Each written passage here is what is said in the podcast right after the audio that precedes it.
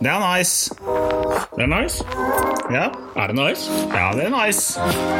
Eh, Nice. Har du fått fisket noen siden sist? Nei.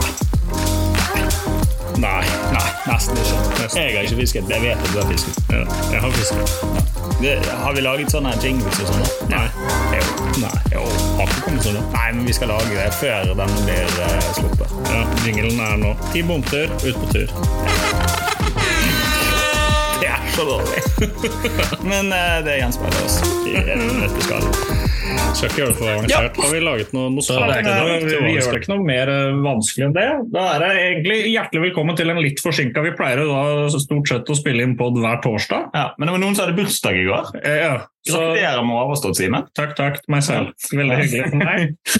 Eh, så da blir det fredagskveld, så nå er det litt ekstra god stemning. Ja, Jeg har fått rødvin i glasset. jeg har fått alkoholfri Estrella, Ja. for det var tydeligvis noe han skulle drive med. ja. Hvis jeg hadde visst at eh, det skulle være statusen, så skulle jeg nesten vært med.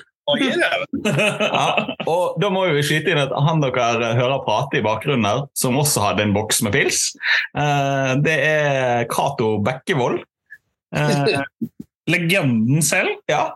Eh, jeg kjenner jo eh, deg, Cato, som uh, gjeddefisker.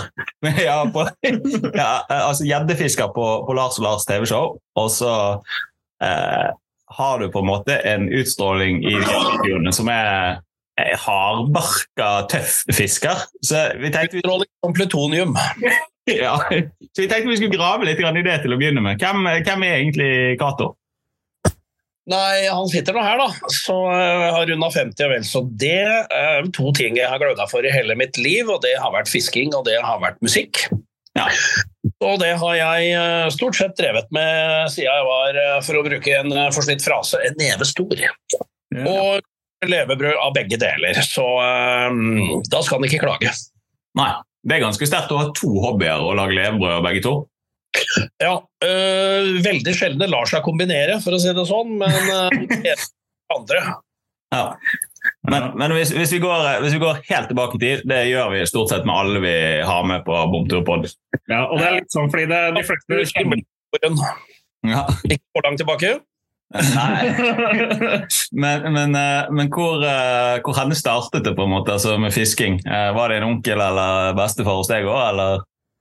Ja, det var far. Han øh, ja, tok meg ned i en øh, bitte liten bekk som renner forbi hans barndomshjem. Ja. Med et bjønnebekken, og der satt han slike nattkroker. Han var fra Hedmarken, far min. Ja. Så det var en ståsnører, noen sånne pinner med en meter skjene og mark som vi eh, satte inn under strandtorva, og så døtta den pinnen ned i torva, og så var det da morgenen etter å gå og trekke dem. Å ja, sånn, ja. det- Så der begynte det. Og så, og så gikk det veien Hva, Hvilken fisk er det man fisker på den måten? Altså, Mm. Er det ørret man får på den, øh, den metoden nå?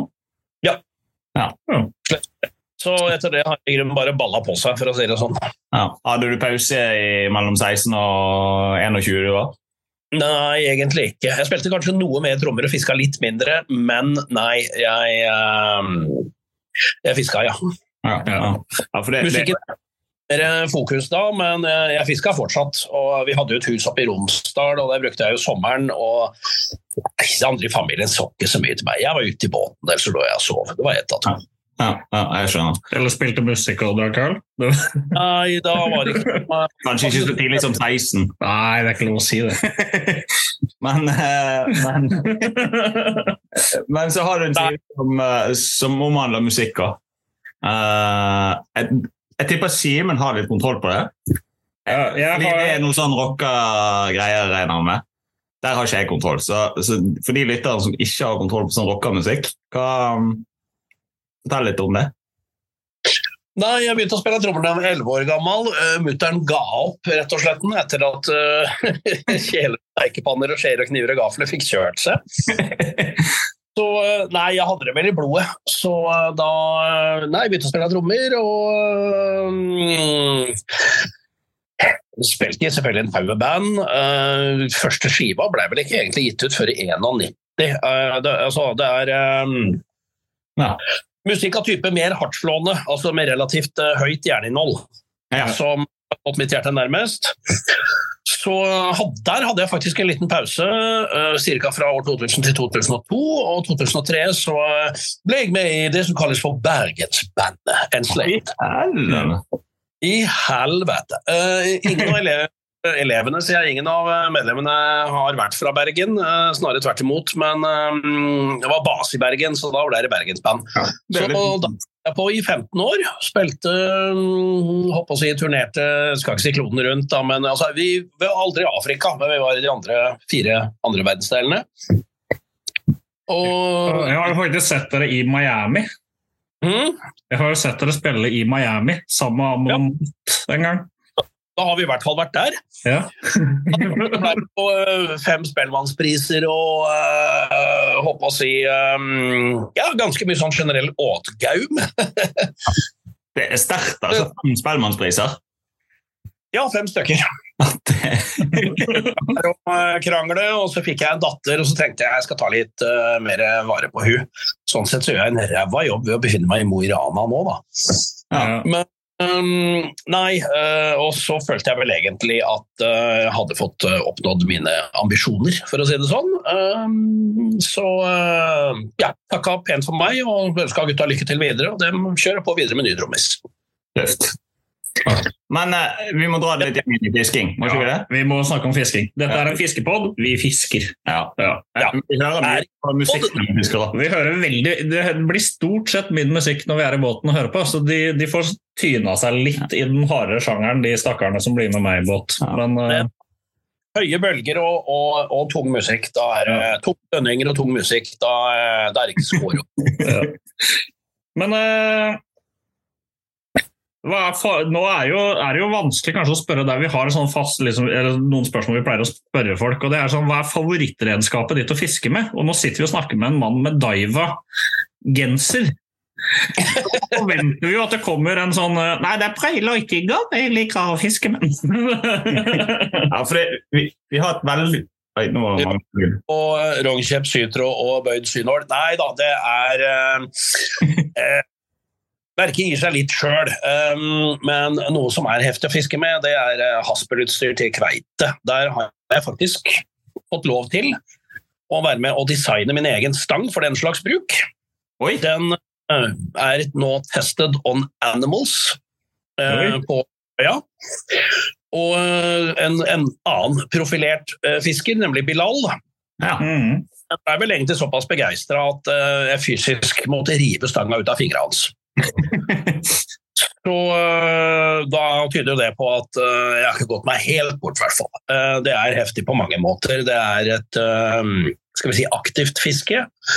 Og du får liksom feeling med fisken fra han tar skjadden til han forhåpentligvis er oppe ved båtsida. Fiske med relativt lett utstyr, og ja, det er, det er supergøy, kort og greit. Ja, for vi har litt uh, Vi har ikke erfaring med å få kveite i båten, men vi har vært borti de, og det ligger ute på noen episoder tidligere. Ja. Uh, men uh, Men vi gjorde den fellen som veldig mange nye fiskere gjør, og det er uh, Å, skal vi fiske storfisk, må ha stor stang! ja, nei. Den tok meg knekt. Det ble nok. Ta det spinnfiske etter kveite, for det, det, det, det lukter jo en, en Nord-Norge-tur i horisonten. Det er lurt å er nord for polarsirkelen. ja. Men hvis du skulle reist nordover for eh, kveitefiske og skulle gitt oss en anbefaling om hva utstyr som skal med uh, bare sånn, ja, sånn, Egentlig rent på fakta. altså Vi trenger faktisk noen tips. Ja. hva, hva ville du tatt med av utstyr, da? Eh, til haspelfiske så vil jeg definitivt ha plukka den nye Super-Kensaki haspelstanga med kastevekt opp til 250 gram. 7,5 fot lang. Deilig aksjon. Store nok ringer til at du får igjennom både PG- og FG-knuter og hva det skal være. Uh, lett trekanta håndtak foran, det er digg når du fighter svær. Noe å holde i. Ja. Uh, blir ofte smekrere og smekrere, men altså, hendene våre er de samme. Og eh, skal du stå og fighte noe eh, med ei lita stoppenål, det, det er ikke noe eh, comfy. Og så snelle må vi bli selvfølgelig også Daiva. Eh, Da vil jeg kanskje Nå har vi fått Saltiga Hasperen i hus, eller den ligger i bilen. Jeg håper ikke det, noen fra Mo i Rana hører dette nå. Det er jo en versting, da. Altså, det er jo topp, topp, toppmodellen, så det er jo til 13 lapper. Men hvis du tar vekk 10 av de lappene, så får du en kald Saltwater. Lett og fin og sinnssykt bra. Og øh, flettasnøret, det blir J-Braid fra Daiwa. Ja, det har jo vi fisket mye med allerede. Ja. Og kropp, da øh, fikk vi en liten religiøs åpenbaring når vi var oppe nå. Eh, noen kropper som heter Bait Junk Minnow Shad. Ok. Det eneste kroppen jeg har testa som ikke glir ned i krokbøyen når du har stått og kasta en del, og som ikke sprekker der kroken kommer ut av ryggen, og som heller ikke blir filetert når du hogger på en fisk med litt tenner. Nei. Eh, mm, Kollega Petter fikk jo åtte kveiter på samme skjedden, og den funka fortsatt som juling. Og i farge uh, Opening Night. Ja. Men litt eh, hvit og litt uh, svakt lilla. Men, men hørte du det, Simen? Åtte kveiter. Var det på en og samme tur? det? Ja, altså vi var jo oppover nå en stund, da, så det ble jo tatt eh, Jeg veit ikke hvor mange kveiter det ble tatt, ja, 25-30 stykker kanskje. Det er ikke ofte det blir sånn lange, tomme pauser her. Men, eh, what the fuck? Men da er- snakker vi Sørøya, da? eller? Sørøya. Sørøya, ja. Eh, Fordi at hvis man skal velge Say no more. Ja. Ja, for, det, for Hvis man skal velge en destinasjon, da, si meg og Simen skal bestille oss noen flybilletter og komme oss av gårde. um... Da går de flybillettene til Hasvik, og da er du og da er du der, da er du der. ja. ja, ok. Ja, jeg skjønner. For, for det er egentlig år, Et av årets mål er å lande en kveite. Og ja. vi begynner å få det litt travelt. Ja, det, begynner, det begynner å strekke seg på tid. Ja, og, Nå men, går vi inn i denne tida. Nå er K-faktoren eh, på plass. Ja, men det er et par ting. Det er at eh, jeg dro oppover eh, ikke ens ærend, men i flere ærend. Det første var eh, Battle of the Arctic, fiskekonkurranse med Team Daiwa, Team Penn, Team Okuma og Team Skittfiske. ja, for du var der, ja. Ja, øhm, jeg skal ikke si åssen dette gikk, men det jeg kan si at det ble litt mer dramatisk enn øhm, øh, man kanskje hadde regna med i utgangspunktet. Og jeg vil også si at det ble særdeles severdig, Ja, av flere grunner. Okay. Eh, Det andre jeg kan si, som jeg kan prate om, det er at etter at dette var over, så var det da salgsmøte for alle i Daiwa. Så da kom eh, selgerne fra mm, Sverige, Finland og Danmark oppover. Mm. Og ikke veldig mange av dem hadde vært i Norge og fiska kveite før. Eh, alle fikk kveite. Shit. Så det er litt kveitegaranti, da. Men eh, jeg må hoppe tilbake. K-faktor. Jeg vet ikke hva det er for noe. Ja, det er tjukkelsen på fisken. Jeg tenkte Ja. jeg skulle nevne det. Ja. Oh, ja. Det er feit av høy kondisjon. Bilal dro fram eh, mobilen og viste et par eh, kveitebilder altså hvor de kveitene er rett og slett korpulente. Du skulle ikke tro det går an. Men de er i up notch kondis. Så på denne tida, den klassiske kveitetabellen, hvor du går ut fra lengden på fisken, så kan du eh, ja, eh, kan du legge til 10% på vekt. da. Og såpass, ja. Ja da, så er jo sjefen fra Finland. da. Han har driver mye med laksedorging, laksetrolling. Kveite var helt nytt for han. Og så sa han at Cato, you are the big halibut expert. I must come with you, your boat so you can make sure I catch a big halibut. og da hørte jeg bare den setningen han aldri sa, no pressure. Og så fikk jeg jo covid, så jeg var jo eh, ganske kjørt der. Men eh, nei, eh, sjefen skulle få seg en bra kveite, så han fikk en på haspel på 144 cm, det er ca. 45 kg. Og så, når det blåste enda litt mer, og formen min var enda mer laber, så um, rigga vi oss selv mangfisk, og da fikk han en på 148 cm, og det er ca. 55 Så han fikk uh, to stykker med snitt på rundt 50 kg, og da var han happy. ja. ja, det er um, Vi har hørt noen rykter tidligere i podo fra Daniel, som Ja. eh, fikk en ganske solide.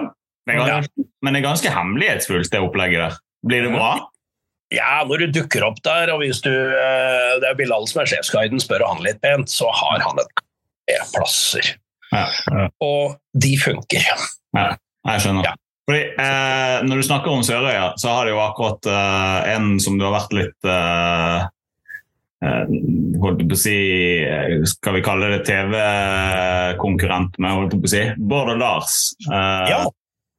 De har jo laget en serie som er ganske gøy. Den har jeg lyst til å bare trekke litt fram. For det, det, var, det, var, det, drar Jeg vet ikke om du husker Bård og Lars, eh, denne serien som vi hadde før? Jeg, jeg dro Oh, yeah. tilbake til 90-tallet når jeg satt på den serien. der. Det var så bra. Eh, Men de hadde jo et ganske tregt fiske, da. Ja, eh, alt som eh, skjedde ble ikke vist. Jeg teksta jo litt med lenteren og ja. sånn. Så eh, TV-mediet har med å altså en, På TV, hvis en god historie kan bli enda bedre ved å både legge til litt og trekke fra litt, så Mm. gjøres det. Ja, jeg skjønner. Jeg, jeg forsto litt. Ja. Jeg, eh, jeg prøvde å prate litt med Bård om laksefiske. Da. Um, Det gikk kanskje ikke så bra. nei, og, men så dro vi det over igjen på sjøørretfiske, så jeg har, liksom, jeg har et lite håp om å få han også på poden etter hvert. Og da må vi trekke fram den turen litt grann, og snakke om litt om bakenforligget nå, tror jeg. Ja, eh, vi, jeg, jeg kunne ha bydd på en del eh, fun facts, men jeg tror nesten vi skal la det ligge til de eh, involverte er på plass. Ja, det må vi få til. Tror det er lurt. Ja. Men Eh, vi så hytter på de fra vannet, ja, så jeg sendte selfie med hytta i bakgrunnen. Og skjønner. umulig, eh, skrev en, da, men ja, det var ikke det, da. Nei. nei. Men eh, du har jo skrevet bok òg. Det, det var det jeg liksom ikke helt så, eh, så komme. Eh, monsterfisk. Ja, monsterfisk og bruk gummi. En bok om prevensjon og en om fisk. ja, eh, ta, bruk gummi først. Hva, hva er det for ei bok? Nei, det er jo om fiske med softbaits, da, vet du. Um, det var jo ikke noe sånt noe på jeg håper å si, markedet mynta på norske forhold, så det var jo egentlig etter en tur på Vannøya med forlagssjef Finn Jørgen Solberg. Ja. Så sa han at faen, altså, dette her eh, Dette må du skrive en bok om. Ja, må jeg det? Ja, det må du. Da måtte jeg det. Og så har han også en fascinasjon for alt av rekorder og største fiskere og, og, og sånt. Mm. Så sa han eh, du er jo sånn levende leksikon, kan ikke du rett og slett bare skrive en del om det også? Eh, Da blir det å plukke arter, da, og det er ganske mange arter du må eh, sjalte vekk som du kanskje ikke har lyst til å sjalte vekk. Mm.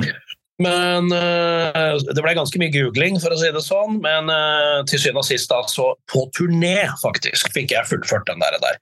Huet mitt var ganske fullt en stund, altså. Ja. Ja.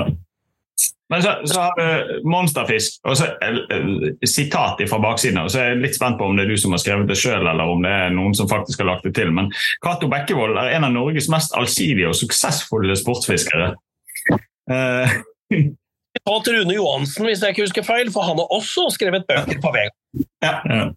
nei, eh, ikke meningen å dra en eh, Han er jo en fiskekompis, så du kan si sånn eh, Han valgte vel eh, ordene sine med omhu, ellers så hadde vel ikke de dekka på bilen hans vært hele, tenker jeg. Så han, Den er grei.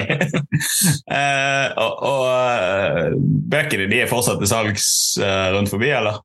ja, du kan, så vidt jeg veit, så kan du kjøpe dem, eller hvis du er litt mer uærlig og ubemidlet, så kan du rappe dem.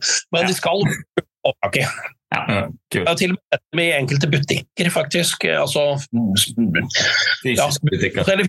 som er kunder av oss, og bare Nei, faen, står dem her, vet du. Ja, ja, ja. Og Ja. noe DVD-er og hele moroa, men det er klart, DVD-formatet er vel nærmest steindødt nå. Ja, det begynner å bli ganske lenge siden, faktisk. Ja. Du får sende en liten sånn eh, pling til Netflix og høre om de er interessert. Ja, Jeg må nevne én ting, og det var at øhm, Jeg tror det var Monsterfisk som øh, da skulle bli lydbok, av alle ting. Og da fikk jeg mail fra forlaget. Har du noen foretrukne øh, til å lese det inn? Eh, Jeg tenkte både på Chartersveien og Alex Rosén, men landa på Lars Lent, da. Lars Lent, grei. Jeg hadde en runner-up, han ligger på YouTube. Da. Det er verdens verste stammer, da. men det hadde kanskje blitt litt er fint. Og det ble Lenteren som rett og slett leste den inn som lydbok. Believe it or not. Altså. Ja, ligger han ute som lydbok med Bent? Vidt jeg veit, for jeg lurer på om det var Gyldendal som kjøpte opp eh, rettighetene og skulle lage lydbok av monsterfisk. Nei, det Det ble faen ikke mer ko-ko enn det, altså. Nei. Lenteren gønna på og leste inn hele greia, og har sikkert fått betalt for det òg, så eh, det, ja, sånn gikk det. Ja. Men uh, selve boken uh, den skildrer jo noen sånne tips og triks og beskrivelser. Og vi er jo alltid ute etter å fiske litt tips og triks. Ja. Fisk er smart, ikke eh, Nei, ja. Mhm. ja. eh, også ifra visjoner til Nei, jeg husker ikke helt ordrett, jeg leste det i sted. Men uh, Fra mye rekorder, eller hva det var for noe. Ja. Altså, men eh, hvis du, skal, hvis du skal ta det på en folkelig kødden måte, hvordan, hvordan oppnår du monsterfisk uh, ute på havet eller i ferskvann eller hvor som helst? Altså, hvor, hvor begynner man? Liksom? Research. Ja. Ja. Hvor går de største? Ja. Hva er metodene? Når på året, og egentlig bare dissekere fangster som er gjort, rett og slett, så du får en veldig god oppfatning om når, hvor, hvordan. ja. Ja, har du det- klart for deg, så er du ganske godt på vei, altså.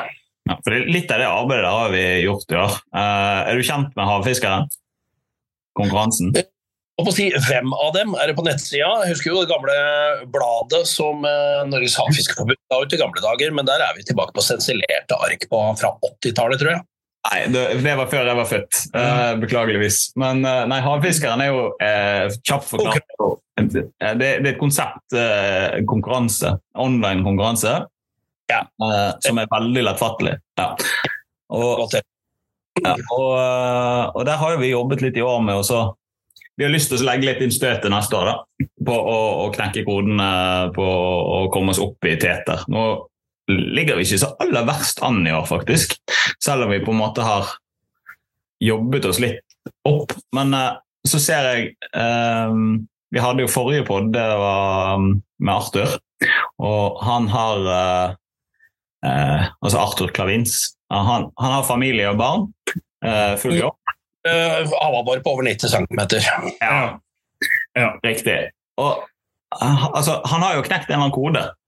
Ja. Det som er spørsmålet, hvis jeg pleier å dra fram litt ofte, hvordan knekker man den koden der? Altså, ja, research og sånne ting, men uh, det, det må jo være noe mer enn bare research. For jeg føler vi snakker med alt som kryper og går av fiskere, og har kart med eh, plasser og jeg har brukt usaklig mye penger på fiskeutstyr. Uh, han har brukt nesten en mill på en båt for å komme seg ut. Ja. Du skjønner poenget mitt? Ja, jeg ser poenget mitt. Nei, det, til syvende og sist så er det, det er én ting som ikke kan kjøpes, det er erfaring. Mm. Og jeg skal ikke si jeg er en sjette sans, men det er den der gode, gamle godfeelingen. Ja. Uh, at du må ha den. Du må ha litt trua på det som skjer og det du holder på med. Eh, og så er det en annen ting, og det er rett og slett bare å innse at eh, fisken har også sine gode og dårlige dager. Ja. Et eksempel, vi var på Andøya, jeg og kompis Espen, en av dagen. Det var, da filma vi for VGTV. ja. Um, Tolv kveiter i løpet av en dag. Dagen etter ut igjen, fiska 16 timer, og ikke snakk om, det var helt steindødt. ja. Og øh, vi visste at det vi gjorde for så vidt var riktig, men altså, de har en sånn av og på-knapp innimellom de fiska her. Og dem øh, øh, Ja, i- ingenting jeg vet om som overstyrer det. Nei. Så nei da. Nei, Det er litt det samme som eh, Vi har en sånn eh, yndet eh, lyreplass i, i nærheten av eh, her vi fisker mye. Ja, Med, med stor lyr. Altså, der har lyren vært eh, Snitt uh, ligger på mellom 80 og 90 cm på snittlengde. Det er voksenlyr. Det er voksen lyr. Men de tar kun to dager i løpet av månedssyklusen. Og det er to dager. Det, det begynner dag to etter månen er på vei ned igjen. Ja. Og så er det dag tre, og så er det helt steindødt. Det er litt merkelig. Jeg sitter og tenker på om månesyklusen påvirker noe av lyrens byttedyr, som igjen påvirker valg av den plassen. Mm. Det må jo de eter annen mat andre plasser eh, av måneden. Ja, for nå har vi fiska der gjennom eh, egentlig hele år med å, og notert oss når får vi fisk i forhold til alle. Det eneste vi sitter igjen med, er den. Det er to dager etter fullmåne. Da har det klaffa. Ja. Og så- og og så må jeg skyte inn, for nå passer dette. Fordi vi har I løpet av den siste uken så har vi hatt en sensasjon i Team Romtur. Eh, vi har jo lett etter havabbor i hele år. Eh, Ja. Jeg har brukt halve familieferien. Altså, kjerringa er sitter, ja, sitter mye alene i campingvognen mens ungene har sovet, mens jeg har vært og fisket. Postmann er der, vet du. Ja, postmannen er der. Det er campingplass. Det er på campingplass. Det, må jo, det er jo swingers. La oss stoppe der. Men eh, poenget er at eh, bruk, ja, La oss si, hvis jeg skal være edruelig på det, 300 timer etter havabbor. Ja, ikke vært borti fisk en gang. Eh, hvis du hører første episoden vår, så heter den 'Tykkleppet multe', fordi at vi trodde vi fant den, men det var tykkleppet multe. Uh, så det var drit.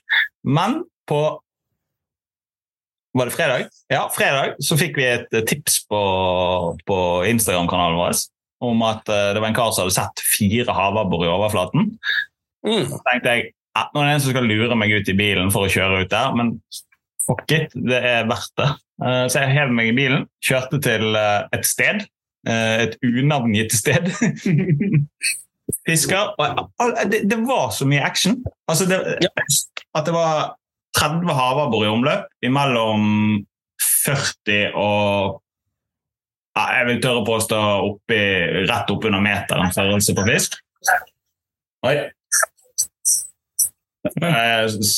Støvsugeren min som snakker til oss. Men eh, nei, oppi, oppi under meteren fikk havabbor, mistet en havabbor og hadde et skikkelig hugg. Og hadde sikkert 100 følgere.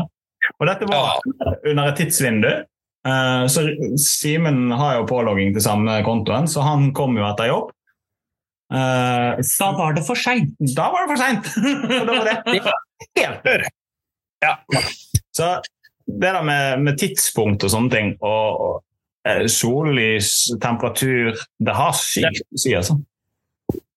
Veldig ofte så henger det jo sammen med altså føde. Ja. Ja. Eh, mest Jeg skal ikke si det er sære, men altså, du har den berømte børstemarksverminga. Mm. Eh, årvisst fenomen, og det er stort sett rundt fullmåne, sånn når du kommer deg ut i mars-april, når eh, temperaturen i sjøen har nådd en viss grad. Da skjer det, og så må du vente ett år til neste gang. Ja, det kjenner jeg litt for jeg er jo egentlig sånn fettfinnfisker. Det var der det startet for meg. Det har jeg holdt på med siden jeg var fem, fire, tre, et eller annet. Jeg har vært med i bæremeisen, liksom. Ja. Ja, eh, og gått en del i sjøkanten etter sjøørret. Og da er det jo sånn, når den her eh, børstemarken, berømte børste Det er akkurat som døgnfluer. sant? Så når du først får en klekking, så er det bare å løpe. Ja. Um, ja, men um, skal ikke snakke om meg. Nå er det du som er på, som gjest på båten. Ja, nei, jeg, jeg sitter bare og og smiler og er så glad, jeg, for det Ja. juleøl vil jeg gjerne ha. Brukes til å støtte opp mobilen. ja. Ja. Og, nei, det, det, er jo, det er jo ofte sånn, og det er viktig å ha i bakhuet. og Det ble jo også nevnt når vi var oppå der. Det var jo sånn der tre dager før fullmåne. Da var ofte kveitefisket jævlig bra. mm, Og den berømte to timer før og to timer etter flo mm, er markante uh, hoggeperioder. Det trenger ikke alltid å være sånn. De kan være mer uh, aktive og mindre aktive, men sjøl altså, serverer du rette varene foran nesa på en, selv en litt mindre aktiv fisk, så kan du fort finne på å hogge. ja. Så, eh, men det er klart også eh, Det kommer an på hvor stasjonær eller hvor bevegelig fisken er også. Mm, Så det er klart Havabboren den ser jeg vel for meg kanskje finner seg et område og ja, vimse litt fram og tilbake der, se hva den finner av mat. Og eh, plutselig kan det være én type byttedyr som er aktuelt. Da jager den der på den måten, og de er nok opportunister, altså. Det er ikke sånn at det, er- det er ikke som pandaen som bare heter bambusskudd, liksom. nei. Bam. Eller koala. Eukalyptusblader. Så nei, de må være litt antetere, men det kan være obis, det kan være småsild, det kan være pir, heter de jo. Um, Kjerringa er tyrkisk, der fortalte jo gutta at uh, yngel av horngjell det var noe av det hotteste å fiske med. hvis du Ja. skulle ha de av våre. Ja. Og krabber og altså, you, you name it. Men det som er eh, greit, er å variere metoder. og Snakka litt om kveite i stad. Eh, Noen dager så funker eh, gummi så det hyler, andre dager så skal det være naturlig gang. Ja. Ja, vi hadde en dag uh, utafor Vesterålen. Egentlig på skreifiske, men det blåste bort. Og da var det i løpet av fem timer så hadde vi åtte kveiter fra jeg minste var vel noe 15-ish, tror jeg. Største på nesten 5-10. Uh, alt på agn. Uh, ingen Altså, ikke noe som hadde med skjedderør her i hele tatt, ble rørt. Nei, jeg skjønner. Men så har vi hatt andre dager hvor jeg er motsatt. Uh, har agnfisk uti, det skjer absolutt ingenting. Men uh, fiske aktivt med shad, så får du fiske etter fisk etter fisk. Ja. Og noen ganger skal det være helt ned ved bånn, og noen ganger skal den ta altså 10-15 meter over bånn. Så um, nei, å variere og helgardere. Ja. Vi så jo Bård uh, i den serien han plukket jo på flue til slutt. Til syvende og sist, ja. Tøft når de følger etter og tar inn til båten. Kamera, liksom. Ja, det er stilig. Fiska jo også en grunn kanal på Sørøya hvor det var seks-sju-åtte meter dypt, lys sandbånd. Da blir det visuelt. Vet. Da begynner de å følge etter og, og ta helt inn til båten og sånt, og det er ikke nitrist, altså. Enda mindre nitrist ble det, og det kom en hval større enn båten. da. Eh, Om det var finnhval eller vågehval, vet jeg ikke, men den var åtte-ti meter lang og kom inn i den kanalen der på seks-sju meters dyp og eh, voff, voff, voff innover. Ja. Og på Det, det er sånn når man er på Sørøya. Ja, det kan skje. Så jeg sa jo til han finske sjefen at nå hiver du faen ikke skjedden opp i blåsehølet på den. men, men eh, det rent praktiske, for vi vurderer jo å komme oss nordover. Og hvis du skal eh, Økonomi er jo aldri gøy å snakke om eh, i fare for at vår bedre halvdel eller et eller annet sånt hører på. Men Jeg ville ringt mor tilsmissadvokat først. Nei da. eh, Det, det er jo eh, rimeligere måter å slippe unna på også, selvfølgelig. Og du må ikke dra til Sørøya. Nei. Du har jo Risøyhammen også, vet du, på østsida av Andøya er jo dritbra. Ja. Og der er det Ja, fra Evenes og Ja, Mm. Er det vel buss til Sortland og eh, på å si videre derfra. Og det er veldig overkommelig, både med båt og hytter og hele moroa. Eh, Oppegående camp og oppegående folk. Han Henrik som jobber der. Mm. Og gode fangstkjøper. Den største kveita mi er derfra. Ja. Tatt, eh, tatt på skjedd og lett utstyr. 22 meter dypt. Tok midt i vannet. 11 meter. Altså midt av vann. ja, det er sjukt. Og den um, fikk vi ikke veid engang, for den hadde allerede han som eide campen, bestilt oh, ja. som middag til en bryllupsfest. ja, den er grei. Men, Ja, eh, vi skal ha noe bryllup her, og vi får vel en 50-60 gjester. Jeg har nå lovt dem kveita. Kanskje dere tar og fikser ei stor, fin kveite, så jeg får middag til. ja. Da gjør jeg et forsøk. Så får jeg denne, og da var det bare å ringe da, og si at du, nå, Nå har vi middag. nå ligger en svær en i båten her, liksom. Har du bløgga henne? Ja, ja, ja. Ja, Kjempemessig. Kom inn, da. Og så var det å kjøre inn, og så bare Ja, den var fin, ja. Den skal holde til en 50-60 gjester. Kjempemessig. Takk, takk, takk. Det, det er sånn man gjør det i Nord-Norge. Og Det der drar oss litt inn i et annet spørsmål. for det eh, Vi pleier alltid å spørre om litt sånn gode, gamle historier og sånn.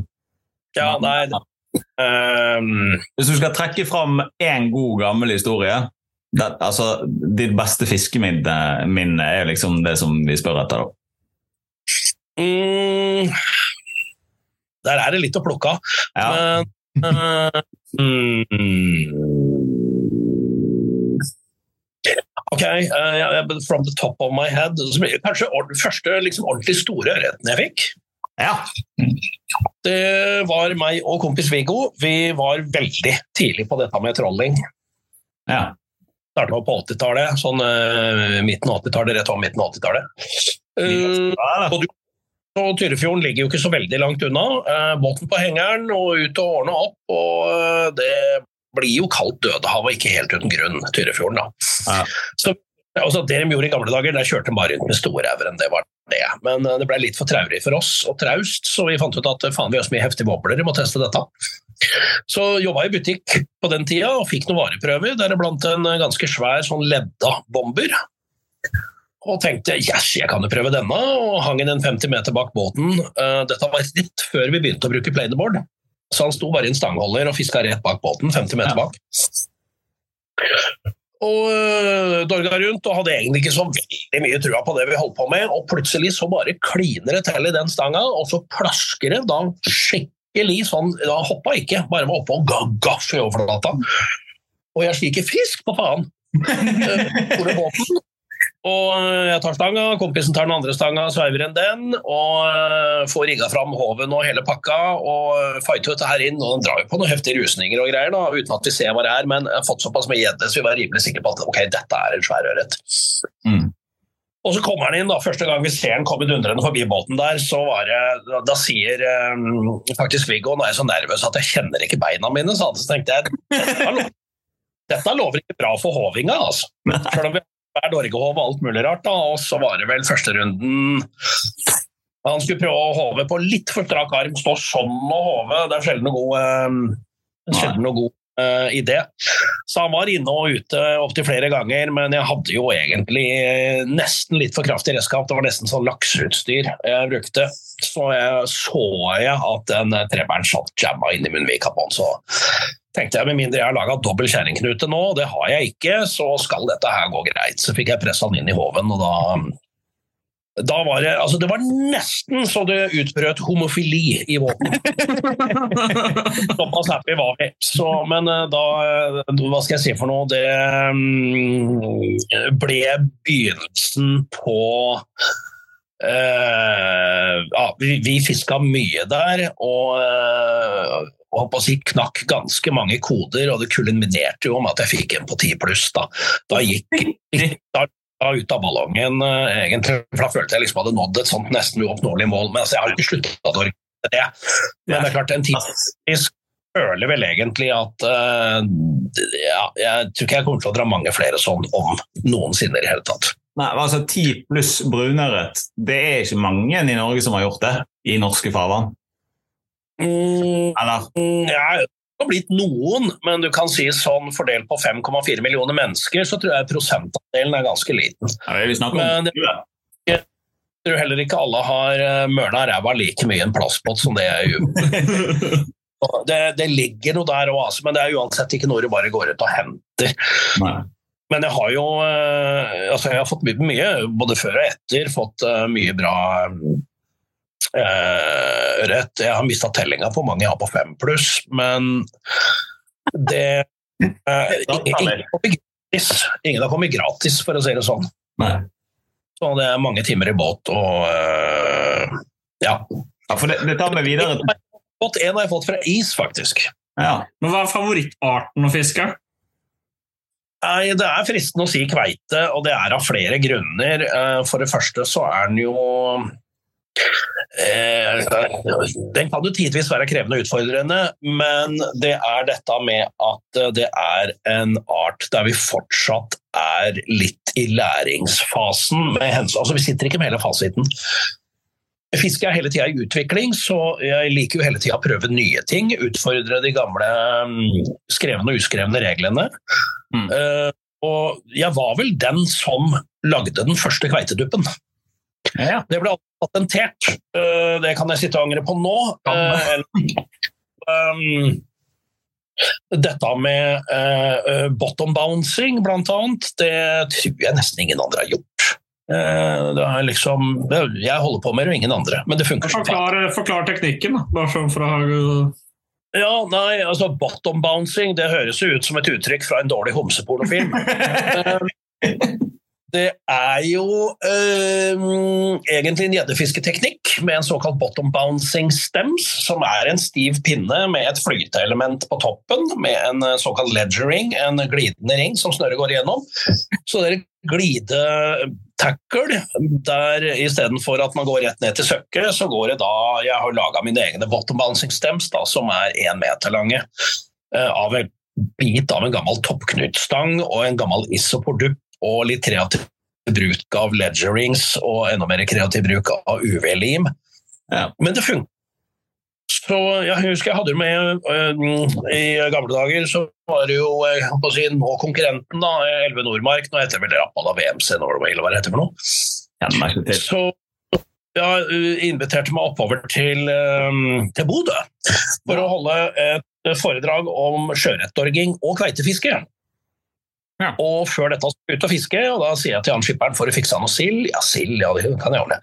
Og da kjørte jeg bottombouncing og fikk de tre første kveitene på det. Da ble det litt sånn halvveis mugen stemning i båten, da. Så vi skal fiske med gummiskjedd, det er det vi skal selge. Så ja, det, ja gjør det, da. Så, um, men det ble, uh, ble 3-2 uh, til uh, bouncing den tida jeg fikk lov til å holde på. Så, men det funker som juling, og vi testa det på Røst, og det funka. Og testa det flere andre ganger, og det funker. Så det er eh, egentlig en gjedde- og abborfisketeknikk som bare er eh, ja, oppskalert til å funke på kveite. Ja. Ja, det. Men det krever litt utstyrsmessig, og så krever det litt av uh, forholda og både den som fisker og den som kjører båt. Ja. Men eh, jeg skal dra det litt tilbake til ferskvann, jeg, uansett. Fordi at eh, jeg kjenner jo deg som gjeddefisker. Eh, altså det er det jeg har sett av deg. Ja. Også, jeg fisker alt, egentlig. Ja. Men, men, eh, men gjeddefiske, der, der har jeg null erfaring, faktisk. Jeg har fått gjedde eh, Ja. i Arneelven når jeg har vært og fisket etter laks. Ja. Eh, utrolig frustrerende å få det der. De er jo små. Eh, Ja. Men, men hvis, du skal, hvis du skal komme med Nå er jo vi liksom i havfisketema hos oss da, i utgangspunktet, men jeg liker å dra det litt inn i ferskvann. Men hvis du skal komme med noen gode tips til gjedde Vestlandet Har du fisket noe på Vestlandet? Uh, ja. Jeg fiska på Søylenvannet med Grøtle fra Enslaved. Ja. Da var vi på isen. Uh, Der står det 365 dager i året et skilt med 'isen er usikker'. Det stemmer veldig godt i juli-august. Ja. Men når vi så var, det, så var det faktisk ganske bra is. Men da hadde politiet blitt nedringt av bekymra bergensborgere som hadde sett to selvmordskandidater ute på isen. da. Og flytedress og hele greia, men til slutt hadde de stått og faktisk kjørte sirene og blålys fra land som måtte inn og snakke med dem. Så fikk vi lov å gå igjen. For Nordlendingen hadde litt erfaring med is og isfiske. Han bergenseren som eh, andre politimannen i bilen hadde null. Så nei um, altså, Du har jo Radøy, er et par vann som har noen litt ålreite gjedder. Og så har du vel Søylenvannet, og det er noe vann rundt Nesttun, men ikke forvent å få noe svær fisk der. Nei. Men hvis du skal ha gjedde, storgjedde, da? Østlandet. Østland. Ferdig arbeid. Øyernvassdraget, sånne ting. Um, nå har du jo for så vidt også ok, Drammensvassdraget er også svær gjedde i. Oh, ja. Det er en stund siden jeg fiska det, syns jeg er ikke helt oppdatert på dette med størrelser og sånt, men Glommavassdraget, Drammensvassdraget, Øyeren, der er det diger rede. Ja. Nå går vi inn i en veldig fin tid. Jeg har alltid trodd at gjeddefiske var liksom best eh, etter isen, akkurat etter isen var gått, men eh, kanskje gammel overtro. Det er vel du, mulig dere har blitt litt feilinformert. Du kan si sånn er mest bitevillig rett etter gyting, og det er ikke isløsninga, for de skal vel ha type 12-16 grader før de gyter. Det er for at det skal utvikle seg. Ja. Så type mai-juni, øh, men rett etter gyting, da står det med en kort stønn, så her er det veldig å ta med dagene. Mm. Kort stønn rundt vann øh, etter at øh, rogna er lagt, og da er de, øh, da er de sultne. Så jeg treffer det noen ganger, og når jeg treffer det, så er det altså bonanza-fiske. Vi hadde vel ja, Fredrik en gang på Øyeren, vi hadde vel jeg tror det var nærmere 90 gjedder i løpet av en dag. Nei, det er fint. Nei, det er noe som må prøves. Det var helt ko-ko. Vi sto og gjerka inni ei sånn Gytevik og, og pælma ut et beit, og idet det landa, de er ganske svære, da, flaskeharer, så så det liksom fire-fem ploger til hver side. Ja. Så begynner jeg å fitte den over, og så kommer bare plogene tilbake, da, og da er det førstemann, liksom. Så den som svømmer kjappest, den glefser jo til. Det er jo gjerne Og den da som 2,5 kilos gjedde ble tatt av mye større gjedde, og nesten flerra i betar, og det var ordentlig koka. Vi padla rundt i kano på halvmeters meters djup, og vi så en hunfisk som sto eh, helt inne i sivet der, og eh, den var sånn ja, 12-13-14 kilo. Eh, da sto, sto da Fredrik og dunka omtrent en popper, det var det han hadde da, i huet på han, uten at han var interessert, så glei litt for nærme, og da var det bare Da gynga det kanoen. Nei, det har jo blitt litt overfiske der også. Det har dessverre det. Ja. Det er jo Men hadde... ja, det ja, jeg hadde Um, Grutle har jo med på Øyeren en gang, og da testa vi litt uh, håper å si, nye plasser som jeg hele tida var hissig på å teste. Og da uh, jerka vi og brukte svære gummiagn og greier, og dro bra med fisk på det. Og plutselig så dro det seg på en ja, det var en sånn 11-12 kilos madam. da. Det rakk jeg bare akkurat å filme. Den kom opp, og kroken slapp. Uh, det var um, passe bittert. Ellers så hadde vi en tur ut hvor vi fikk tre stykker over ni kilo i løpet av en halvannen time. eller sånt noe rart, Og det er sånn oktober-ish. ja, ja. Så, så hvis vi skal prøve gjeddefiske, så er det noe framover, da, egentlig? Går inn i en ganske fin tid nå, skjønner du. Ja, tøft. Jeg er jo, dette vet jo ikke du, men jeg er jo vokst opp med å ha hytte i, på, altså på en øy i Øyeren. Ja. Nå har er jo kunne fiske Jeg gjedde. har fiska mye gjedde Ja. Ja. vi bor midt i smørøyet, du. Ja. Så det har vært, eh, vi gjorde det mye da jeg vokste opp. Ja, tøft. Men eh, Uh, Fiske mye det er én ting, fiske storgjedde er en annen ting. Nettopp. Jeg var eh, kanskje så stor, holdt jeg på å si. Eh, Ja. De største. Ja. Men eh, nå skal jeg fase det litt ut igjen til eh, fiskemiljøet, tenkte jeg. Ja. Uh, fordi at uh, der er jo der er et fiskemiljø i det landet som vi bor i. Vi har jo vanvittig bra fiske mange steder. Uh, og det er mange involverte på en måte i alle mulige formater. Så jeg pleier å liksom spørre etter nå- Klokken går jo, sånn, så, så, men jeg pleier også å spørre etter en, en oppfordring til til sportsfiskerne rundt forbi. Hvis du tenker eh, noe du mener sportsfiskere bør tenke på eller gjøre, eller et eller annet. Nei, altså øh, Vær ansvarsfull. Eh, altså når jeg var oppe på Sørøya Nå er ikke jeg noen filosof, men jeg ble jo uansett å tenke at uh, vel noen privilegerte vi har som har dette. Altså Det er så mange land nede i Europa som Og det er derfor turistene kommer oppover for å oppleve dette. Så ikke ta alle de tinga vi tar for gitt, ikke ta det for gitt, for det blir ikke tatt vare på og forvalta fornuftig så er det plutselig borte.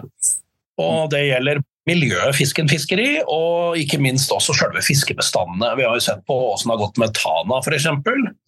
Det er helt krise. Når- Ja, altfor hardt, og at en elv kan gå fra 120 tonn ned til 7 tonn. Eh, altså Man kan skylde på hva man vil, men blir det tatt opp for mye fisk, så er det mindre igjen. Og når man ikke gytebestandsmåla, så går det bare én eneste vei. Rett i dass. Ja, og i forlengelsen av den oppfordringa, så kan jeg passe på å nevne hva som er skal vi si, policyen på Sørøya. Mm. Oppfordrer dem ingen til å ta kveite under en meter, for det kveite under en meter er ikke kjønnsmoden ennå, har ikke fått gytt. Og ingen kveiter over 130 cm, for ved 130 cm så er garantert alle fiskene over det, de er hunder, og det er de viktigste å ta vare på. Ja. Og til syvende og sist så er det alt av turister eh, 18 kilo. Det er det du får ta med deg ut. Så jeg eh, veide inn en kasse med mm, 17 kilo fisk, som ble med hjem. Alt annet går uti. To største kveitene til sjefen på rundt 45 og 55, dem gikk uti. Og det er Så, eh, og, og det er egentlig ekstremt naturlig, for hvis man skulle markedsført havfiske på Sørøya, og folk hadde bagga opp alt de fikk, så hadde det gått nedover. Og til slutt så kommer ingen. ja. Nei, og, og da er det plutselig ikke business for de som driver fiskecampen der oppe Ikke båter og hotell og drit og møkk, og så til slutt så kommer jo ikke folk, for det er ikke noe fisk igjen. eh, Og da har du sagd av greina du sitter på. Så hele tida har filosofien at det er greit å høste, men da skal det høstes av et overskudd. Det er som den berømte tusenlappen i banken. Står den inne til 10% rente, så kan du ta ut en hundrings hvert eneste år i uoverskuelig framtid.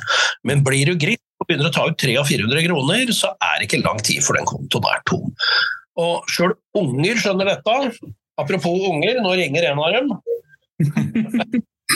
Det var hun, det var, det var dattera. Ja, ja, fint. Så eh, ja, jeg skal passe på hva jeg er. Skal antakeligvis bare si at du savner meg. Eh, Det, eller jeg håper det, da. At du ikke sier at pappa har funnet en annen. Da, eh, Mm. da ryker den ganske kjapt. Nei, eh, at man hele tida skal være klar over å være litt ydmyk. Ja.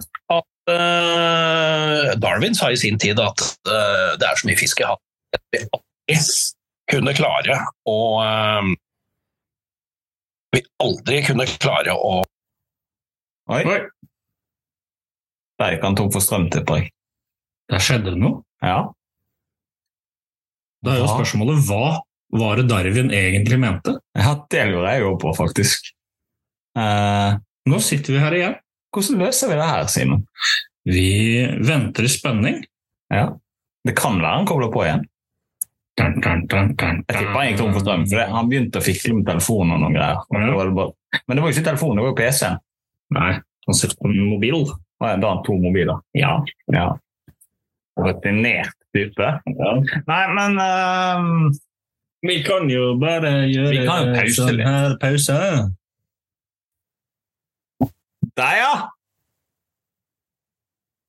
Da er vi på mute Ja, ja da er vi skal vi se, skal vi fikse det? Nå kommer det snart en knapp til deg som du skal trykke på. Sånn. Der, ja. Der. Der vi, er vi. vi, er- vi, vi, nå satt vi og var sykt nysgjerrige på hva Darwin sa. Darwin sa når ungen ringer, ikke svar. ja. Eh, og så sa han også at alt som kan gå gærent, går gærent. Ja. sa at menneskeheten ville aldri feilaktig sa at det er så mye fisk i havet at menneskeheten vil aldri være i stand til å fiske havet tungt. Um, dette var før snurpenøter og trålere uh, ble en virkelighet. Så uh, nei, uh, uh, vi må passe på det vi har. Ja. Og det er smart, uh, så lenge man høster av et overskudd. Og der har jo Norge vært uh, flinkere til å forvalte torskestammen enn f.eks. Canada, som fiska ut sin egen torskestamme på begynnelsen av 90-tallet. Mm. Det var helt sinnssykt. Det er jo dokumentar om dette, hvor altså fiskeriministeren satt i et møte. En horde med rasende yrkesfiskere sto utafor og skreik og hylte at vi har faen meg investert øh, og pantsatt hus og heim for å, kjøre, for å kjøpe altså, båter, svære 20 millioners kroner båter med snurpenøter og den nyeste elektronikk og alt mulig annet rart. Du skal faen ikke ta fra oss levebrødet og øh, begynne å skjære ned på kvotene. Så ble en pressa til å si at ok, gønn på. Året etter Mm. var det tomt. Ja. Jeg hørte jo nylig også, det var snakk om rekene i Skagerrak, eh, at det begynte å bli mindre og mindre mindre av dem. Og da var det vel en eller annen rekefisker som eh, hadde investert mye kroner i ny reketråler. Hvis jeg skal si én ting, det å satse alt man eier og har på en på å høste av en naturressurs, det er jævlig gambling. Og altså, det er veldig få eksempler på at det i det lange løp går bra. Så nei. Man kan ikke høste mer enn det naturen produserer. Og Det gjelder i fjellvann, det gjelder i elver og det gjelder i fjordområder langs kysten og i det store havet. Så på alle fronter. Eh, produksjonen den er begrensa, og man kan ikke ta mer av eh, det. Mer, mer enn det som blir produsert hvert år. Gjør man det, så fisker man ned bestandene, og da får det til syvende og sist kollaps. Det er en dyr lærepenge, og det er helt utrolig at man må sitte og si sånt til voksne folk, og det er enda mer utrolig at folk protesterer. Ja, Men- det, det er kanskje den verste. Men, men eh, jeg synes det er en veldig fin oppfordring. Eh, Jeg skal dra et eksempel. For meg og vedkommende som sitter ved siden av meg her, Jeg har driti oss ut på det en gang. Eh, Litt indirekte, eh, men det er på en torskebestand. Vi driver og fridykker litt. Grann, eh, og I fridykkermiljøet i Bergen så er det veldig, har det vært veldig mye fokus på torsk. Og å finne stortorsk på Vestlandet det er ikke så lett i fridykkermiljøet. Det blir Ja, og, og så fant vi en spot med sinnssykt mye bra torsk. Um, meg og Simen var der inne og skjøt ut uh, en del fisk. Og så gjorde vi den blemmen at vi fortalte det til noen. Uh, og så, nå er det tomt. Ja. ja. Og det, Eh, det er ikke torsk der. Nei, steinbitfiske på Feie, samme opplegget. Ja. Da fant ut av spottene, det ble fiska tomt. Eh, Ja, Steinbitbestanden i uh, Saltstraumen er langt unna hva det var. Mm. Og så er det en uh, annen historie, og det er fra en liten, en liten holme utafor Vannøya.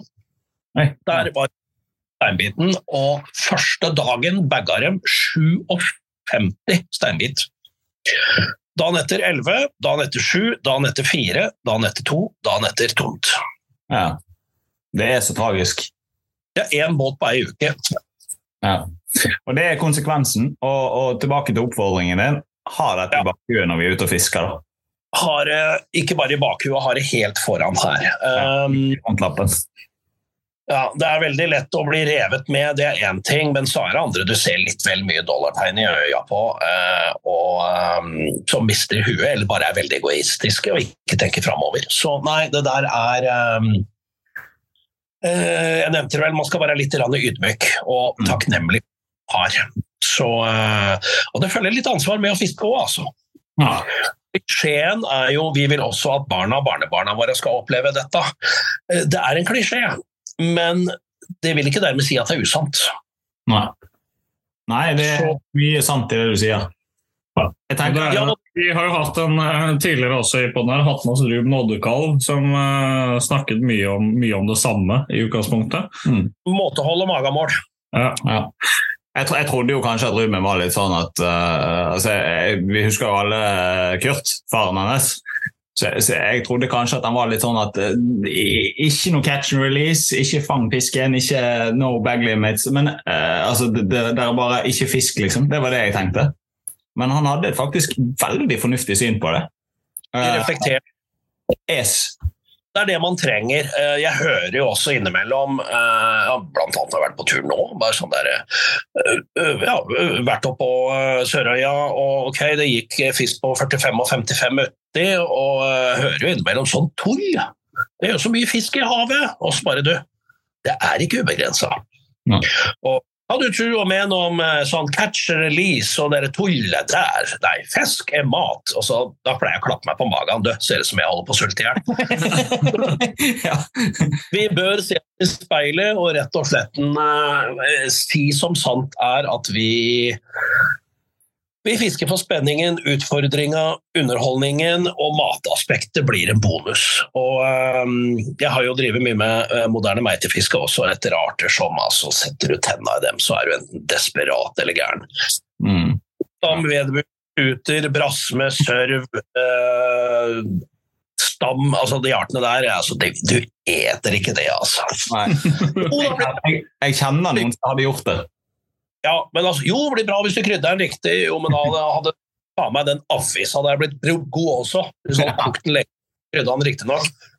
Men eh, da eter du bare proteiner, ferdig med det. Men eh, nei um, Jeg har jo sett hvordan det har blitt i en del land nedover i Europa, hvor uh, stort sett all storfiske er borte.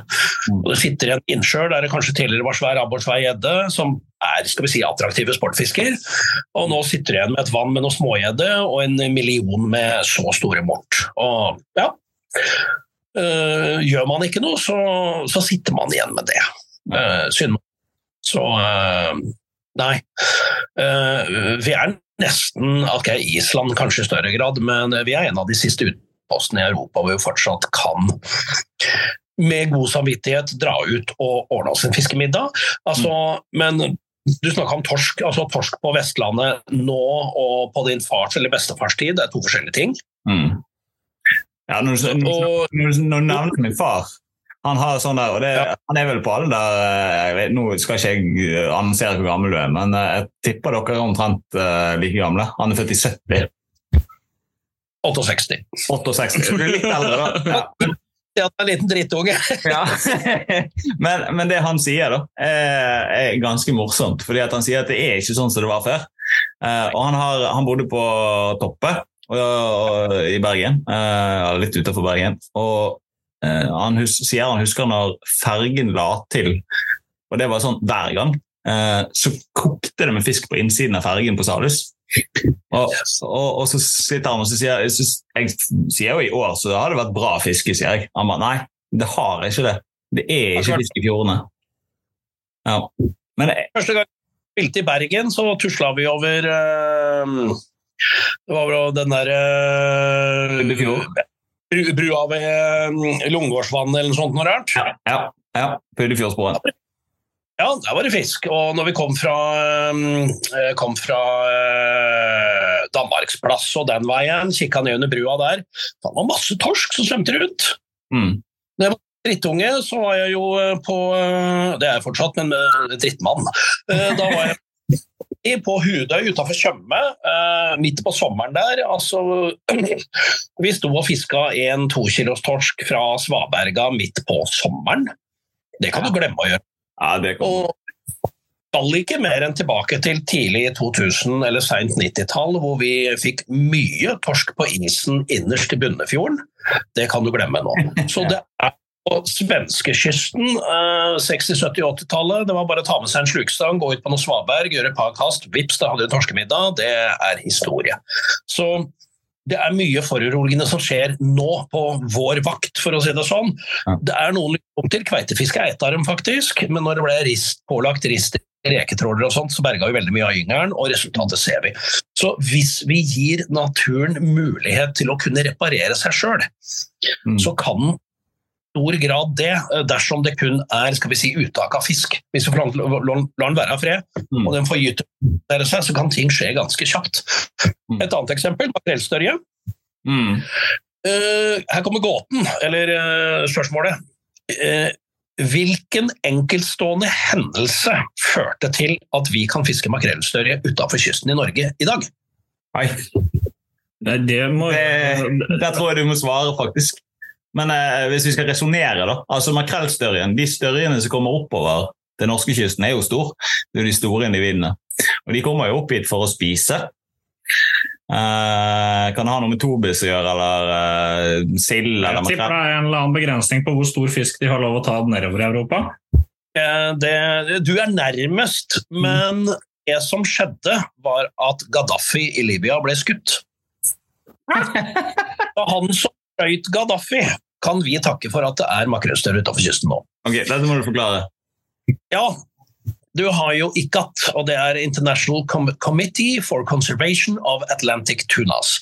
Det er en internasjonal organisasjon som hvert år setter kvoter for hva som kan fiskes av makrellstørje i de enkelte land i hele si, Nord-Atlanteren. Og da har du jo alle middelhavslandene, dvs. Si Nord-Afrika og innover til eh, altså Syria, Palestina, Tyrkia, Hellas, hele Smaland. Oppover langs kysten. Norge, Sverige, Danmark, og også USA og Canada. Mm. Det som skjedde, var at hver jævla gang Ikat sa at du, nå må vi, nå må vi innskrenke fisket, nå må vi begrense fisket, nå må vi sette strenge kvoter, bærekraftige kvoter. Hver jævla gang så sa Libya nei, la ned veto mot noen. Så de skulle ha seg frabedt enhver form for begrensninger. Ja. Før liket hans var kaldt, så sendte ICAT sine skarpeste hoder nedover og fikk en eller annen fyr der nede til å signere på at uh, nå skal vi ta vare på makrellstørja. PS, lykke til med borgerkrigen. Uh, de trengte til å stramme inn, og veldig mye av uh, piratfiske utenfor Malta, altså Spania, Italia, hele greia der den berømte Matanzaen, hvor de har sånne ledegarn og folk står med klepper og, og røsker opp uh, utafor Italia. Uh, hele greiene der ble bare kraftig innskrenka. De gjorde jo som uh, samene gjør i Tana, påberoper seg rike kulturtradisjoner og, og alt det der, men er ikke så har ikke livets rett så jævla enkelt det. Så nei, de stramma kraftig inn, og, og det tok ikke så veldig mange åra før man så resultatene er og svømmer utafor vestlandskysten as we speak. Det er ganske morsomt. Så det, ja, det skal av og til ikke så veldig mye til. Men uh, bare la naturen få lov til å ordne opp sjøl. La fiskebestandene få hente seg, la dem få trekke pusten liksom, og komme seg opp igjen på et nivå. Og istedenfor da å fiske dem ned igjen med en eneste gang, og det er det vanlige. Det er så mye makrellstørje, her er det bare å så mye båter med så mye snøter som mulig. Det har vi gjort før, og sett hvordan fungerer. Så vi må lære våre feil, og dette med bærekraftig forvaltning det er en eh, aldri så liten kjepphest for meg. For det eh, Jeg har jo levd noen år nå, og har jo sjøl med egne øyne sett hva som skjer når eh, det forvaltes gærent. Mm. Men jeg, jeg har et spørsmål Nei, jeg skal ta det etterpå. Jeg har et spørsmål, og så skal jeg annonsere litt. For nå snakker vi om makrellstørje. Skal annonsere litt framover i tid. Vi skal ha på Otte Bjelland. Eh, han skal bare bli ferdig med å merke elleve makrellstørjer, og så er han klar. Ja. Men, men nok om det. Men jeg har et spørsmål, og det kommer egentlig litt fra min far. Men det er tilbake til det som jeg snakket om i sted, med fjordene våre og all den småfisken og sånne ting. For han, han, er sånn, han har så mange teorier om hva det er som gjør dette, og peker på trålere, peker på lakseoppdrett og peker på altså han, er, han er typisk han som sitter Nå, nå kommer han til å bli sur på meg når jeg hører det, men han er den som sitter på internett og tror at det er meg og et par kompiser som leser det han skriver, og så er det capstock på, og så bare hater oppdrettsnæringen. Og så har han noen sterke meninger. Han har begynt å komme seg, da. Men, eh, men, men, men eh, ja. Men, men han har rett i noe, og det er at bestanden er ikke sånn som han var når dere var 10-12-14 år gamle. Eh, Men hva som gjør at det er sånn, tror du? øh, jeg tror det er nok en del sammensette årsaker. Det er nok det. Men man har jo forska bl.a. på torsken i Oslofjorden, og det var én ting som si, den aller nyeste forskninga viste. Mm. Og Det var utrolig nok at torsken i Oslofjorden led av underernæring, og at det var et viktig vitamin som fisken trenger for å omdanne det han spiser til øh, si, næring som setter seg i kroppen. Mm. Og Da er vi inne på kjemien, og da er det ikke lett lenger, altså. Nei. En parallell det var jo eh, naboen oppe i Tydal. Han hadde jo en hannkatt som i sin, eh, på eldre, sine eldre år fikk kattesukkersyke. Og han spiste og spiste og spiste og spiste og spiste og spiste, var konstant sulten, men ble tynnere og tynnere og tynnere og døde til slutt. Og det er litt nær, og um, når du begynner å komme ned på det nivået, så sier vel egentlig jeg at nå lar vi forskere ta over. Men de hadde jo det der med å flytte giftig bunnslam i eh, Oslofjorden, hvor smart det var å virvle opp alt av giftstoffer fra gamle synder som man ellers hadde prøvd å dekke med sand og la ligge i ro. Jeg veit ikke hvor smart det var. Um, Mm. overfiske eh, i indre Oslofjord og Bunnefjorden, der har det tradisjonelt ikke vært noe særlig eh, fritidsfiske, egentlig, eh, som har gått så voldsomt retta på torsken, så jeg sliter litt med å ta den heller. Det må ha skjedd Mm. noe med vannkvalitet, vanntemperatur.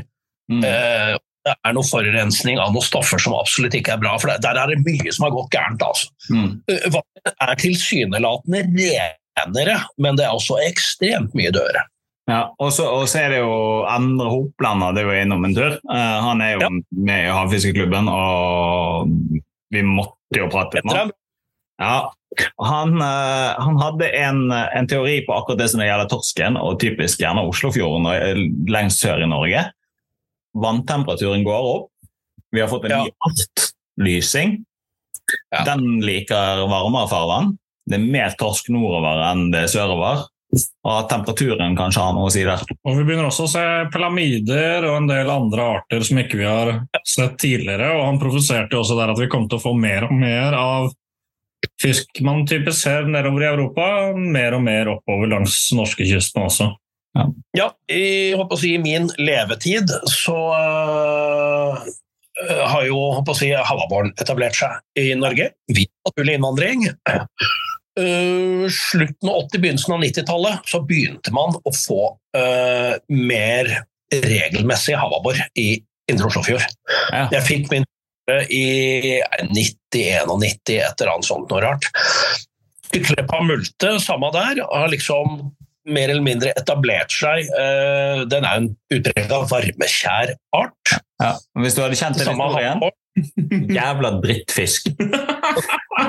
Multen, altså. Ja. Du må høre hele historien. Nesten for dem. Eh, nei, og når vi var på Sørøya nå, så var torskefisket dårlig. Ja. Og de sa at eh, havtemperaturen er litt varmere enn normalt. Så eh, nei, Ja. torsken er ikke noe, er ikke noe utprega fan av. Jeg husker denne gangen eh, Vi nevnte vel så vidt at vi hadde sommerhus i Romsdalen. Det var en sommer jeg var der, og veldig varmt. Og Det var ikke torsk å få noen plasser. Først når jeg dro meg ned på 80-90 meters dyp, så begynte jeg å få torsk. Ja. Der er den er- Bjørn ja, Ja, rett og slett. Der var det kjøligere vann, og der var det. Så, øh, og gyteområdene til øh, torsken har også blitt pressa lenger nordover, og at økte havtemperaturer på sikt vil forandre, muligens permanent, artssammensetninga langs kysten vår, det føler jeg meg rimelig sikker på. Mm. noen tilfeller så er det klart det kommer noen kule arter inn, men det er også andre som vil skvises ut, og det er flere og flere tegn på at torsken er en av dem. Mm.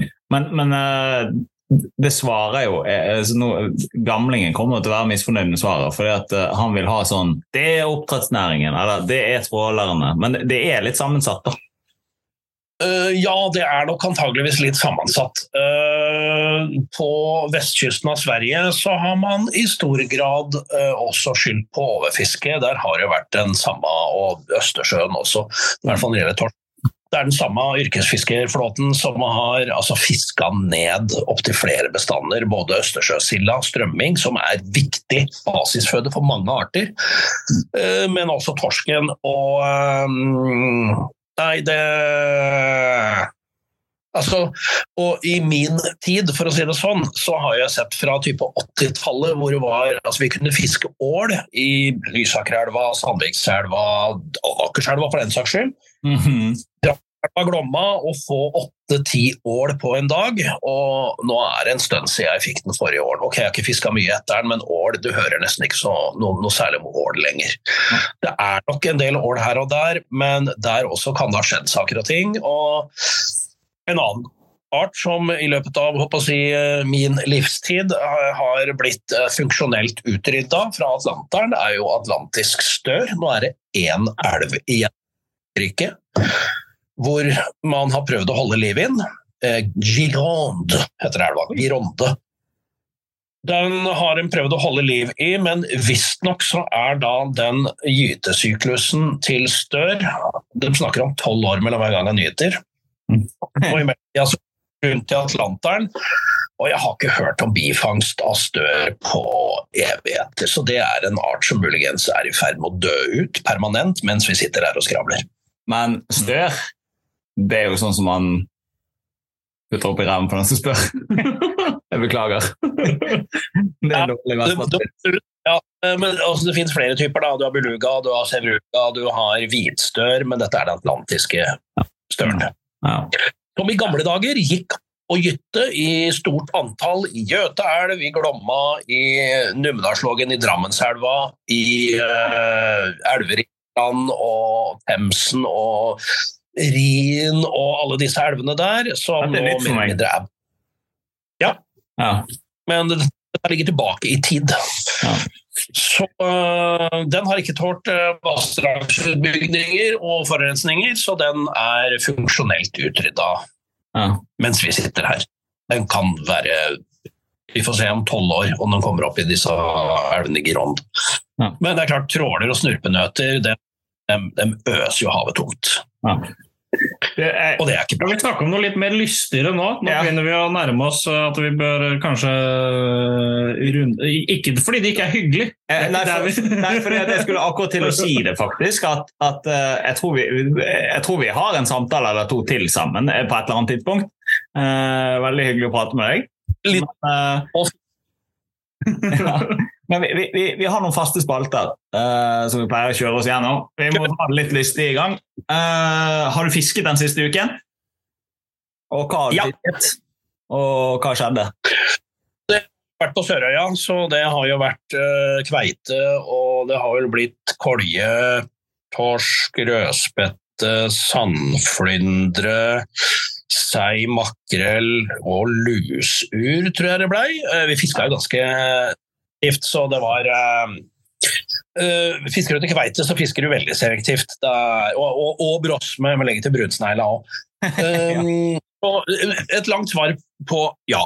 Ja. Eh, og så er det neste ukes fiske. Skal du fiske i kommende uke?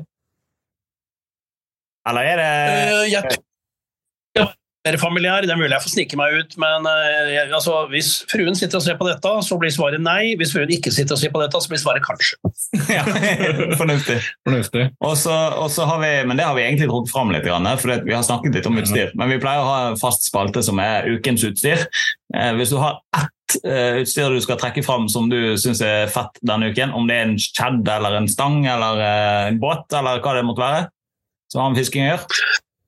Eh, Det må jo bli Øyenstenen, da. Eh, Daivas Saltiga Haspelsnelle. Den er bare helt sinnssyk. Altså, for å si det sånn eh, Mange vil mene at de skulle ønske å se en under juletreet, men den hører faen meg hjemme i toppen av juletreet. Altså. Så bra er den snella. Vi er der. Dette er er- stjernen. Hvis du skal ha en Haspersen eller i størrelse 6000, du kan lande kveite på 50-60-70 kilo på uten at du er redd for snella. Så den, Altså, den, er, altså, den, er, den er sexy på grensen til grisete. ja, Ja, da må vi gjøre den faste vi pleier å gjøre, også på et eller annet vis. Sponsor eh, Daiva, vi er veldig, vi tar veldig Det pleier alltid å dukke opp i denne podden. Nei, vi, det, ingen sponsorer. Vi har handlet alt fiskeutstyret vårt, ikke helt til full pris alltid, men uh, tett oppunder. Ja. Men Og så har jeg også et slengespørsmål fra ytterkant her. og nå, det er Når ser vi et større Daiva-utvalg på Ut Vestland? Har vi da fått Når, et slengespørsmål fra noen representert i Ut Vestland? ja, når Vestland bestemmer seg for at eh, du, Daiwa-utstyr skal vi ha. ja, fordi jeg skal trekke fram en ting. Nå er vi, nå er vi veldig lokale, Mm. men vi har jo Alver havfiskeklubb. Uh, Der har jeg faktisk et, eh, et spørsmål til deg. Det skal, jeg skal nikke det opp etter podden. Uh, vi trenger det her. Men, uh, men vi er jo i Alver havfiskeklubb. Vi er blitt Norges største havfiskeklubb. Ganske mye potensielle Rett og slett salg. Jeg driver i salg sjøl. Så, så den der eh, Team Bomtur-kanalen det er jo noe alle i Alver havfiskeklubb hører på, antageligvis. Eh, får jeg håpe. Hvis ikke de gjør det, så blir det er linjal over fingrene og Det er, det er nok ikke alle, for lyttere har vært inne og, snoket litt på lyttertallene våre. Vi, vi er veldig spredt Norge rundt. Ja, det er faktisk det. Men eh, uansett, eh, det er en kanal hvor vi kan klare å gjøre litt salg og litt, litt action rundt det. da. Men uh, foreløpig vi skal ikke drive med noen spons, så vi kommer bare med varme anbefalinger om hva vi faktisk liker å holde på med. Eh, med en gang det blir spons, så blir det litt fake. Selv om det hadde vært greit å kunne kanskje slippe å bortforklare hvorfor det forsvinner 10 000 kroner ut av kontoen sånn annenhver måned. Men det er en annen sak. Eh, Kan du si. ja. ja.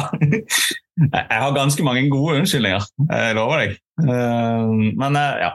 Jeg, jeg tror vi skal prøve å avrunde denne boden her. Eh, Og så vil vi øh, gjerne invitere deg tilbake igjen når sjansen byr seg. Og du nok Ja en gang sitter på et, øh, et reiseoppdrag på et hotell alene. Eller hvis du dukker opp i Bergen, så har Simen har jo brukt hele Det er jo, det er jo Petters salgsdistrikt, men jeg har jo resten av distriktet mitt og unna Trøndelag og deler av Vestlandet. Det blir flere hotellnetter, det kan jeg si med en eneste gang.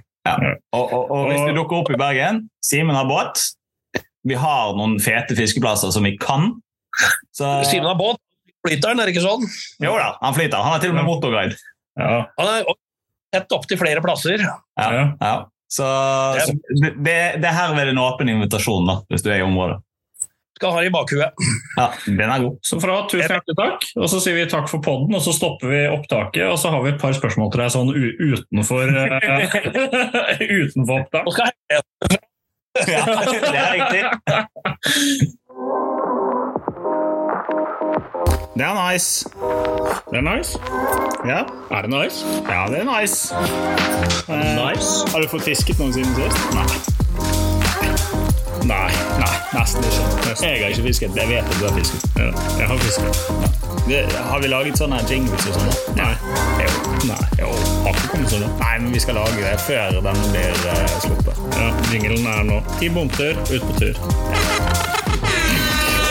Det er så dårlig. men uh, det gjenspeiler oss i skallet. Skal ikke gjøre det for avansert. Har vi laget noe notat i dag til hva vi skal